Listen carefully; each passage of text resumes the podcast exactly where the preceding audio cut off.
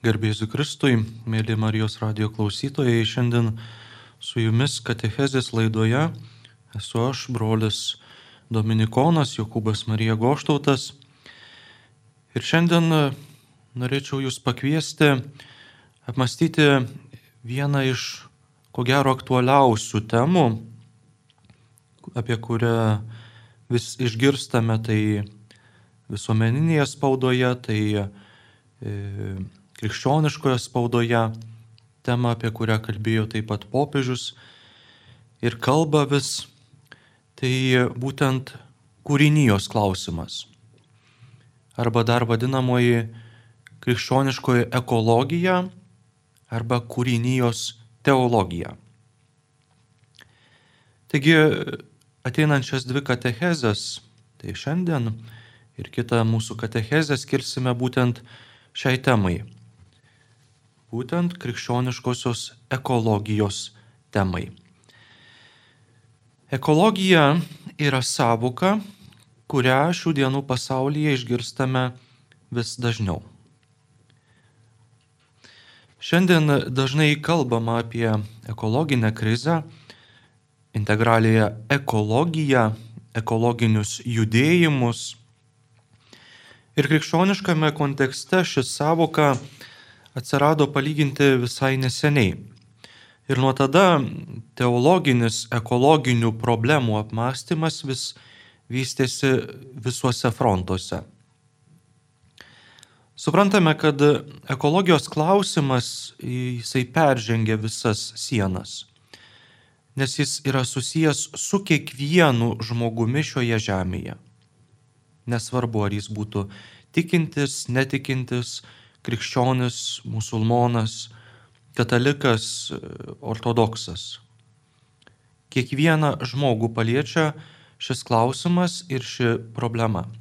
Taigi nepaisant to, ar mes esame krikščionis, ar priklausome kokiai kitai religijai, ekologija pirmiausia žvelgia į problemas, kurias turi išspręsti visa žmonija. Visa žmonija. Ekologija krypsta į skirtingų mąstymų, filosofijų, religinių ar konfesinių skirtumų susitikimą ir peržengimą tų skirtumų. Kad būtų galima spręsti problemas susijusias su nieko kitu kaip su mūsų namais, su mūsų pasauliu, su kūrinyje, kuria, kuri mūsų supa ir taip pat kūrinyje, kurios esame mes patys dalis. Todėl galima sakyti, kad ekologinė krizė yra taip pat ir krikščioniškų konfesijų ir pačių religijų bendro mobilizavimo vieta. Visi mes tam tikrą prasme susitelkėme ir turime susitelkti ties šiais klausimais. Tai yra galimybė diskutuoti apie žmogaus ir pasaulio, pasaulio ir visatos santyki Todėl ekologija gali tapti, kas yra, ko gero, svarbiausia, būtent dvasinių mainų galimybę. Tai reiškia, kad netgi pačioje krikščionybėje vyksta dialogas. Nesvarbu, ar tai būtų bažnytinis ar nebažnytinis, tai yra ekumeninis, apie ekologiją, tai reiškia apie mūsų namus, apie kūrinyje. Ir būtent šis dialogas leidžia krikščionėms rasti naujų prasmės išteklių, dvasinių išteklių, kad įkvėpti, kaip popiežius Pranciškus sako, ekologinį elgesį, ekologinę elgseną, kaip randame kai kuriuose tekstuose, būtent ekologijos tema. Būtent, kad apsaugoti kūrinyje, Pirmiausias dalykas, į kurį mes atkreipiame dėmesį ir kuris mus ir lydi kaip krikščionis, tai kad būtent krikščionybė yra įsikūnyjimo religija. Įsikūnyjimo religija. Tai reiškia ne tik tai, kad Dievo įsikūnyjimas, tai reiškia Dievas tapęs žmogumi, duoda raktą skaityti krikščionybę kaip tokią, bet taip pat suteikė ir viziją, per kurią krikščionis, kaip Dievo sukurta būtybė, mato sukurtą pasaulį ir jo likimą. Mes skaitome pasaulį būtent per įsikūnyjimo prizmę. Tai reiškia, kad jei Dievas tapo žmogumi, žmogus, jis yra pakviestas tapti Dievo vaiku. Dievas tapo žmogumi, kad žmogus taptų Dievo vaiku. Dievo gyvenimo dalininku. Taigi kūrinyje taip pat turi savo dalį ir savo vaidmenį šiame dieviškame projekte. Ypatingai rytų bažnyčių krikščioniškoji tradicija, ar tai būtų rytų katalikai ar ortodoksai, visada kreipia dėmesį į kosminį dieviškojo projekto matmenį. Kosminį tai reiškia visą apmimantį dieviškojo projekto matmenį. Tai suteikia jai būtent krikščionybei ypatingą pagrindą kalbėti ekologinės krizės akivaizdoje. Pats žodis ekologija yra šiuo laikinis terminas. Štai kodėl, pavyzdžiui, kalbant apie bažnyčios tėvų ir apskritai krikščioniškąją ekologinę mintį, verčiau reikėtų vartoti terminą kūrinijos teologija, kuris, mano nuomonė, yra daug tinkamesnis teologinio apmąstymo kontekste. Taigi, ženkime į mūsų temą. Žmogus ir jo likimas pagal dieviškąjį planą.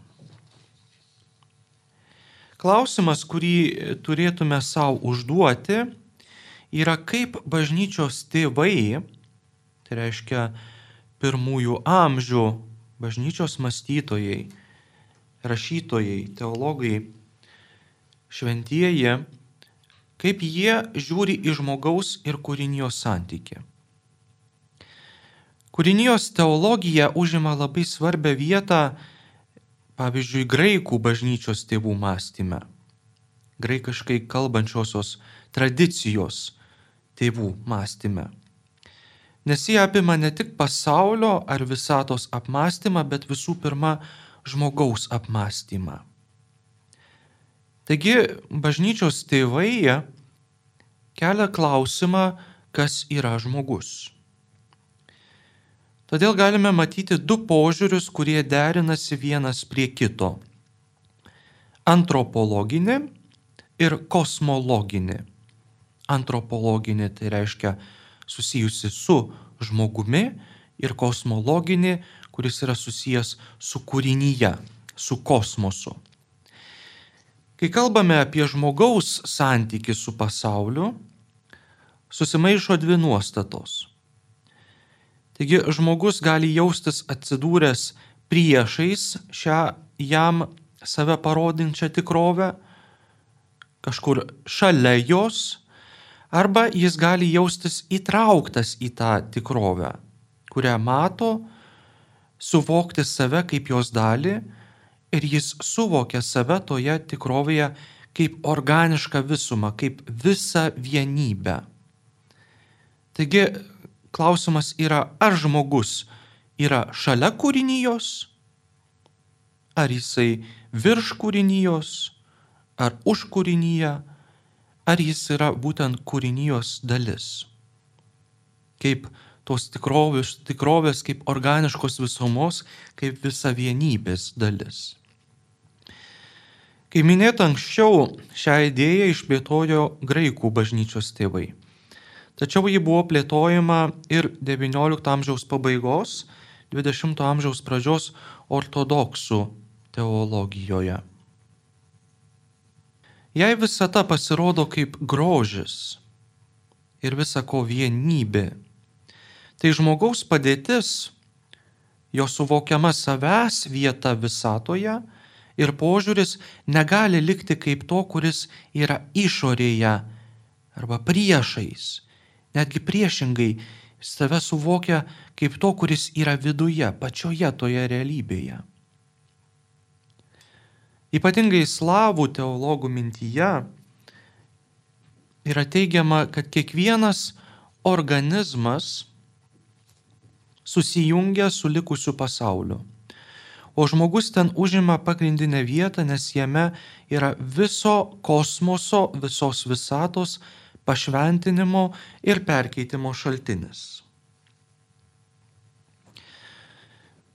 Tai yra svarbu įsidėmėti, nes ypatingai šio laikiniai ekologiniai judėjimai, jie yra ganėtinai priešiškai nusiteikę, prieš, priešiškai nusiteikę krikščionybės atžvilgiu, nes teigiama, kad krikščionybė iškelia būtent žmogų kaip visako principą, visako pradžią ir visako pabaigą.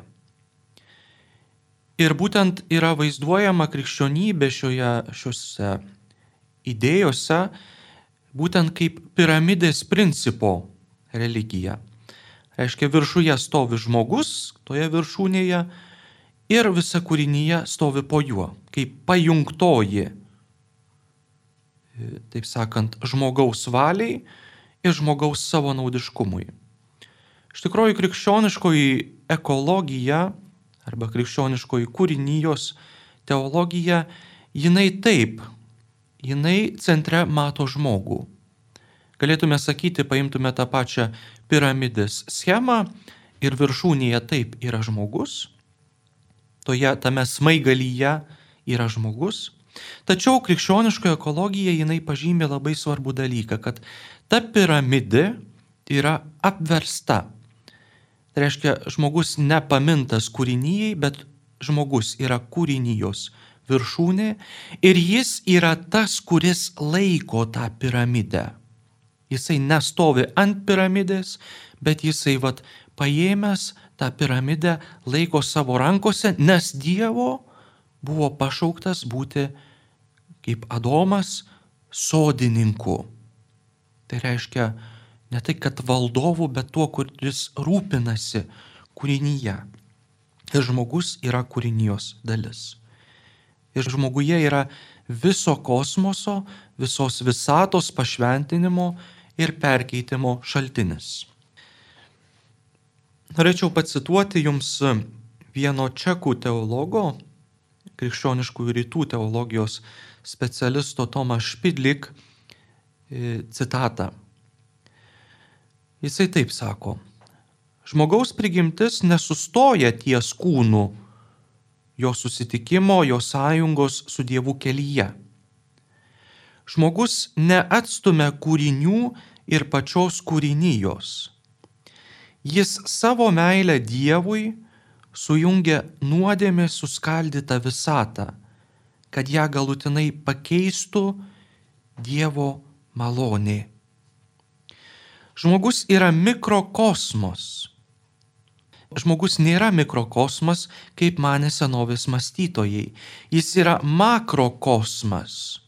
Jis yra asmuo, kuris peržengia save ir apima visą visatą, kad per šventąją dvasę perteiktų jai šventinančią Dievo malonę. Citatos pabaiga. Kadangi šis ryšys tarp žmogaus ir pasaulio yra toks svarbus, visatos pašventinimas ir perkeitimas priklauso nuo žmogaus pašventinimo. Pašventinimo, kuris yra kelias į dieviškumą, į žmogaus įsunystę Dieve. Kaip sakant, kaip apaštalo Pauliaus laiškose randame išsireiškimą, jog kūrinyje su ilgesiu laukia, kada bus apreiškti Dievo vaikai, tai labai aiškiai parodo šią mintį, kad kūrinyje laukia, kuomet žmogus bus pašventintas, kuomet jisai susivoks save šventumo kelyje, pradės eiti šventumo keliu. Kūrinyje laukia. Ir būtent eidamas šventumo keliu, žmogus yra pakviestas pašventinti kūrinyje, visą kūrinyje, ją perkeisti pagal Dievo planą. Būti iš tikrųjų to Dievo sodininku, kuris išbaigia Dievo projektą bendradarbiaudamas su Dievu. Taigi, įsunystė Dieve žmogaus sudėvinimas. Ką reiškia žmogaus sudėvinimas? Dievas sukūrė būdą apsireikšti, pasirodyti jo sukurtoms būtybėms ir pritraukti jas prie savęs per savo meilę viskam, kas sukurta. Ir žmogaus sukūrimo tikslas yra sudėvinimas per malonę. Ir čia turėtume sustoti. Tai nereiškia, kad žmogus atsistoja Dievo vietoje. Ne, žmogus neatsistoja Dievo vietoje. Žmogus yra pašauktas ir yra pakviestas į Dievo gyvenimą. Tai yra šventumo kelias. Šventieji yra dieviškosios prigimties dalininkai. Dieviškosios prigimties dalininkai, kaip sako apaštalas Paulius. Taigi, tas sudėvinimas nėra atsistojimas Dievo vietoje, bet būtent tapimas Dievo vaiku. Įsunystė žmogaus. Tai tais būtent graikų tėvai naudoja būtent šitą terminą, terminą sudėvinimas arba sudėvinimas per malonę, tai būtent teozė. Teozė. Ir teozės sampratą bažnyčios tėvai suprato įvairiai. Kaip vienybę su Kristumi, sąjungą su Dievu, Dievo ir žmogaus bendrystę, dalyvavimą Dievo gyvenime. Tačiau bet kuriuo atveju bendra esmė yra mintyje, kad žmogus suvokia, kad jo tikrasis egzistavimas realizuojasi tiek, kiek jis yra pakeliamas prie Dievo ir su juo susivienijęs. Pats kūrimas pagal Dievo paveikslą ir panašumą, kurį randame būtent pirmuosiuose e, šventojo rašto skyriuose pradžios knygoje, Būtent sukūrimas pagal Dievo paveikslą ir panašumą buvo skirtas sudėvinimui. Tai reiškia žmogaus šventumo keliui. Tačiau pamatysime, kad žmogaus nuopolis, va ta vadinama gimtoji nuodėmė, išganimo istorijoje sukėlė visai kitokią eigą, nei buvo numatyta pradžioje. Nors buvo sukurtas pagal savo kurėjo paveikslą, ir panašumą žmogus, galima sakyti, neišlaikė, neišsaugojo bendrystės su juo, pasitraukė ir nupuolė. Štai kodėl išganimo istorija yra istorija apie tai, kaip Dievo meilė pasiekia žmogų, kuris nuo jos pasitraukia. Visa išganimo istorija yra apie tai, kaip Dievo meilę pasiekia žmogaus ir jį pasiekia būtent ta meilė, kurią, nuo kurios žmogus yra pasitraukęs. Taigi garbinga žmogaus, sukurto pagal Dievo paveikslą ir panašumą vieta, ypatingai bažnyčios tėvams, yra ir netimama dovana. Nes žmoguje yra Dievo atvaizdo anspaudas. Mes vadiname Dievo paveikslų žmoguje. Tai būtent kas yra susijęs su kūrimu pagal paveikslą. Ir jis taip pat nešiojasi savyje pašaukimą, tam tikrą dinamiką, kurią reikia įgyvendinti. Ir būtent tai yra panašumas. Žmogus yra sukurtas pagal Dievo paveikslą, reiškia nešiojasi Dievo anspaudą, atvaizdo anspaudą savyje ir jis yra sukurtas pagal panašumą, tai reiškia jisai nešiojasi tą dinamiką, kurią turi įgyvendinti savo gyvenimo kelyje. Tai yra būtent šventumo kelias. Ir tam reikalingas Dievo ir žmogaus bendradarbiavimas. Bendradarbiavimas. Tai yra dieviškos malonės ir žmogaus valios bendrystė. Arba kaip e, sako krikščioniškųjų rytų autoriai, sinergija, simbiozė, reiškia dalinimasis, būtent kelionės atsakomybę. Iki nuopolio toks žmogus, sukurtas laisvas ir nemirtingas, Tai buvo progresuojančio ir dinamiško tobulumo būsėje. Jis buvo tokiu būdu buvęs įtrauktas į tapsmą. Jisai buvo visatos centras, jis buvo mikrokosmas arba mikrokosmosas.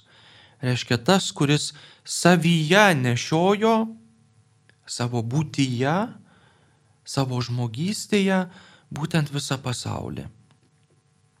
Iki nuopolio Adomas buvo toks, jisai buvo sukurtas laisvas ir nemirtingas, progresuojančio ir dinamiško tobulumo būsenoje. Tačiau įvyko nuopolis. Žmogus Adomas buvo sugundytas.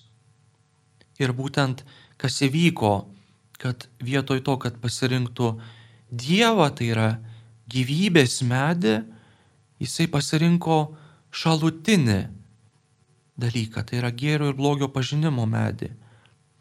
Ir ką pabrėžia bažnyčios tėvai, kad žmogus jisai buvo sukurtas be galo geras. Ir tas pažinimas būtų atėjęs palaipsniui. Tačiau žmogus, žmogus sugundė būtent troškimas, kurį įnešė į jo širdį būtent gyvatė arba piktasis tapti Dievu. Ir jisai buvo apgautas. Jisai pasitraukė nuo gyvybės medžio, kuris yra pats Dievas ir pasirinko šalutinį visai medį. Arba antro, antralypį medį galėtume sakyti. Tačiau viskas tuo nesibaigia. Ir Kristaus įvykis, jo įsikūnyjimas, jo mirtis ir prisikėlimas užima labai svarbę vietą krikščioniškų rytų tradicijoje. Tai ne tik Kristaus mirties nugalėtojo pasireiškimas, bet ir Kristaus pasiūlytos naujosios žmonijos apreiškimas. Galima sakyti, kad Kristus atidaro duris naujajai kūrinyjei. Jis yra naujasis Adomas. Tai yra nauja tikrovė, į kurią yra pašauktas žmogus, o kartu su juo ir visa visata, visa kūrinyje. Kristaus mirtis, kaip aiškina šventasis Atanazas Aleksandrietis, nėra eilinė mirtis o mirtis to, kurio mirtis negali sulaikyti ir kuris nugali ją savo prisikėlimu. Jis miršta tas, kuris negali mirti. Ir mirtis jo nesulaiko. Jisai ją nugali savo prisikėlimu. Todėl Kristus privers, priversdamas žmonės dalyvauti jo mirtyje priversdamas žmoniją dalyvauti jo mirtyje, suteikia žmonijai galimybę dalyvauti jo šlovėje. Ir kartu su juo prisikelti naujam tėvo įsunystės gyvenimui. Taigi, kaip per Adomą atėjo nuodėmė ir mirtis, per Kristų, per jo mirtį ir prisikėlimą mes tampame, taip sakant, pakviesti. Mes gauname galimybę dalyvauti jo šlovėje ir kartu su juo prisikelti naujam tėvo įsunystės gyvenimui. Mes tampame Dievo vaikai. Tikėdamas Kristumi, tapdamas jo mokiniu, turiu galimybę gauti dieviškai gyvenimą per sudėvinimą, tai reiškia tapimą Dievo vaiku ir perkeitimą per Dievo malonę, per savęs pašventinimą Dieve. Šventosios dvasios vaidmuo yra atlikti kiekvieno krikščioniško asmenyje sudėvinimą bažnyčioje. Šventasis Bazilijus sako, cituoju, Šventosios dvasios darbo dėka yra aktualizuojamas mūsų atstatymas rojuje, įžengimas į Dievo karalystę, grįžimas į įsunystę, laisvė vadinti Dievą mūsų tėvų, bendrystės su Kristumi malonė. mums yra suteikiamas šviesos sūnų vardas. Tai yra dalyvavimas amžinojoje šlovėje ir trumpai tariant buvimas palaiminimo pilnatvėje šiame ir būsimame gyvenime. Citatos pabaiga. Būtent todėl bažnyčios tradicijoje Marija, vadinama Dievo motina arba graikiškai Teotokos, yra pirmasis sudėvinimo vaisius. Jinai netapo deivę, jinai išpildė Dievo vaiko pašaukimą savyje. Jos susivienijimas įvyko dar jai gyvenant, jos gyvenimo metu ir baigėsi per paėmimą į dangų. Taigi ji dalyvauja žmogaus sudėvinimo procese, žmogaus pašventinimo procese, žmogaus įvaikinimo procese. Ir pagal krikščioniškų rytų mąstymą, be Dievo motinos pagalbos, tai yra be jos užtarimo, bažnyčioje negaunama jokia dovana. Todėl svarbu pabrėžti, kad šis kiekvieno žmogaus sudėvinimas yra skirtas bažnyčios dabarčiai jos žengimui per istoriją. Ir yra vykdomas per bažnyčią, skelbiant Dievo karalystės buvimą. Per bažnyčią ir pradedant nuo bažnyčios visa kūrinyje yra pašaukta būti sudėvinta. Tai yra ne tai, kad kūrinyje tampa stabais, bet kūrinyje yra pašventinama toje eschatologinėje arba laikų pabaigos perspektyvoje. Sakramentai, kuriuose naudojami gamtos elementai, yra apčiuopiamiausias to ženklas. Euharistija čia užima esminę arba centrinę vietą. Cituoju. Euharistija liudyja veiksmingą dangaus karalystės buvimą, kaip visos kūrinijos pabaigos išsipildymą, jos realizavimą tobulybėje. Būti paukota kaip padėkos auka tėvo rankose. Euharistijos metu kiekvienose mišiuose yra išgyvenami paskutiniai laikai, tai yra laikų pabaiga. Tai yra dangaus karalystės ateimas. Šis eucharistinio veiksmo kartojimas liudyja dangaus karalystės amžinybę. Citatos pabaiga. Krikščioniškas gyvenimas pagal Evangeliją yra toks. Tai per krikštą kiekvieno žmogaus sudėvintas gyvenimas, kuris kiekvieną krikščionį paverčia naujų kūrinių. Per krikštą mes mirštame senajam žmogui ir tampame naujais žmonėmis, tampame naujais kūriniais.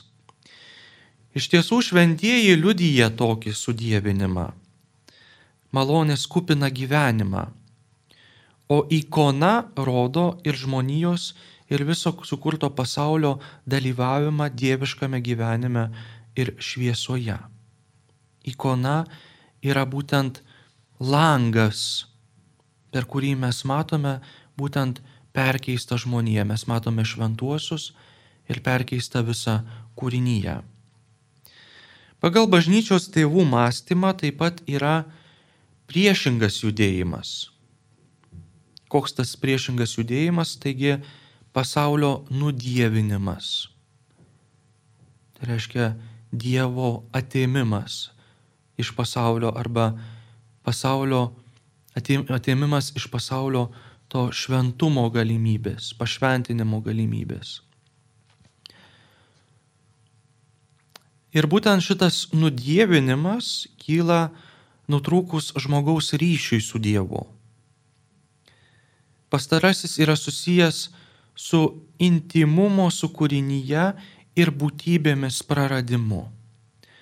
Šis pasitraukimas paverčia kūrinyje dykynę, dykumą, chaosu, atkertančių ją nuo to, kuris yra jos akis, ausis, sąžinė ir balsas - nuo žmogaus, o per žmogų nuo paties Dievo. Kūrinyjei žmogus yra jos akys, ausis, sąžinė ir balsas. Ir jeigu žmogus nutraukia šitą ryšį, kūrinyje lieka dykinė, dykuma ir chaosas. O per žmogų kūrinyje praranda taip pat ryšį ir su Dievu. Nes žmogus tampa laidininku, žmogus yra laidininkas tarp kūrinijos ir savęs paties, ir, ir ta prasme ir Dievo. Žmogus yra laidininkas tarp kūrinijos ir Dievo. Ir rytų krikščioniškasis požiūris į žmogų mato kaip visos visatos sąmonės išraiškos vietą. Žmogus yra visos visatos sąmonės išraiškos vieta. Koks yra žmogus, tokia pasirodo ir kūrinyje. Jei žmogus yra savanaudis, naikinantis, greunantis, destruktyvus, tokia pasirodo ir kūrinyje. Taigi eikime toliau. Dievas, žmogus ir visatos likimas. Ar galėtume kalbėti apie kūrinijos sakramentą? Bažnyčios tėvams sakramentalumo šaltinis yra kūrinyjoje. Turime žiūrėti į pasaulį kaip į Dievo buvimo sakramentą, kaip vietą, kurioje apsireiškia Dievas, o visus sukurtus dalykus turime matyti kaip tuos, kurie jį apreiškia per grožį ir gėrį. Visa, kas sukurta, nėra Dievas, bet Dievas pasirodo kaip kuriejas visako, kaip visako sukurto gėrio ir grožio šaltinis. Kai pasaulyje yra kuriamas gėris ir grožis, Dievas tarsi atskleidžia savo veidą. Kurėjo atpažinimas ir apmąstymas per kūrinyje dabar suteikia prieigą prie amžinojo gyvenimo, nes mes priartėjame prie pačios amžinybės viešpaties. Per šį prieėjimą, priartėjimą prie tikrojo Dievo ir jo gėrio ir grožio kontempliacijos jau matoma busimosios dangaus karalystės vizija ir pasaulio perkeitimo vizija. Tai yra spinduliai, kurie tarsi kreipia mus į tikrąją saulę, kuri yra Dievas. Rytų krikščioniškojo teologija sakramento veikėjas, tas, kuris veikia per sakramentus, yra šventoji dvasia. Todėl jai tenka vaidmuo ir kūrinijos sakramentalumo realizavimui. Ji yra siunčiama į pasaulį, kad prasiskverbtų į kūrinyje ir ją atnaujintų bei perkeistų. Suvokus šventosios dvasios veikimą yra išsaugomas iš esmės šventas kūrinijos pobūdis, jos sakralumas, jos sakramentinis matmuo, nes sakramentas visų savo pranašumu išlieka istoriniu įvykiu, materialia išraiška. Kai Dievas apsireiškia laikė ir erdvėje, o į Euharistiją žiūrima kaip į Dievo būtent apreiškimą, apsireiškimą duonoje ir vyne, pasaulis tampa istoriniu ir materialiu Dievo buvimo sakramentu, jo apsireiškimo vieta, įveikiančių ontologinę tuštumą tarp sukurto ir nesukurto. Prisikėlusiame Kristuje susijungia erdvė laikinė tikrovė ir transcendencija, tai yra laikinybė ir amžinybė, kai regima tai, kas regima ir neregima. Prisikėlusiojo kūnas, prisikėlusio Kristaus kūnas visada lieka žemės kūnu tačiau šis kūnas yra transformuojamas, perkeičiamas. Nuo šiol jis yra naujosios tikrovės dalis. Tikrovės, kuri yra sujungta tarp materialiojo pasaulio ir transcendencijos, tarp dvasios ir kūno. Per Kristaus prisikėlimą tuščias kapas tampa vartais į gyvybės šaltiniu ir gyvybės šaltiniu visiems ir viskam, nes per jį viską užlieja prisikėlimo ir Dievo gyvybės šviesa. Po prisikėlimo viskas dabar eina linksta link dangaus ir į sėkmines, kad galėtų prasidėti naujoji kūrinyje. Kristaus prisikėlimas apreiškė ir įvykdė Dievo tikslą žmogui. Dvasia savo nužengimu lydi iki galo žmogaus būties būdo perkeitimą viešpatyje. Tai tikrai sakramentas naujos realybės tarp dviejų pasaulių, matomo ir nematomo sukūrimas ir gyvendinimas, kuriam yra pašauktas žmogus ir visa visata. Dabar visa Dievo malonė yra skirta šiai naujai egzistencijai, persimainimui ir įgyvendinimui visako ir pakelimui link Dievo. Pasaulis labai apčiuopiamai išreiškia ir sujungia dieviškos realybės ir žmogaus bendradarbiavimą istorijoje, nurodant Dievo buvimą tarp mūsų, mūsų gyvenimo centre.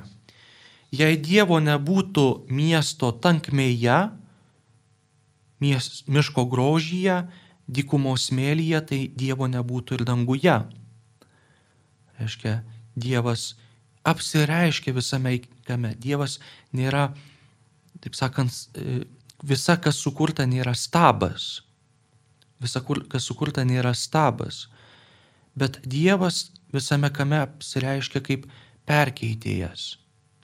Dievas yra danguje, savo didybės sostė sėdintis ir taip pat apsireiškintis kūrinyje per jos grožį ir per gėrį. Šiandien užbaigėme pirmąją katechezės dalį apie kūrinyje arba ekologiją, krikščioniškąją ekologiją. Su jumis buvo brolis Dominikonas Jokūbas Marija Goštautas, garbėjai Zui Kristui.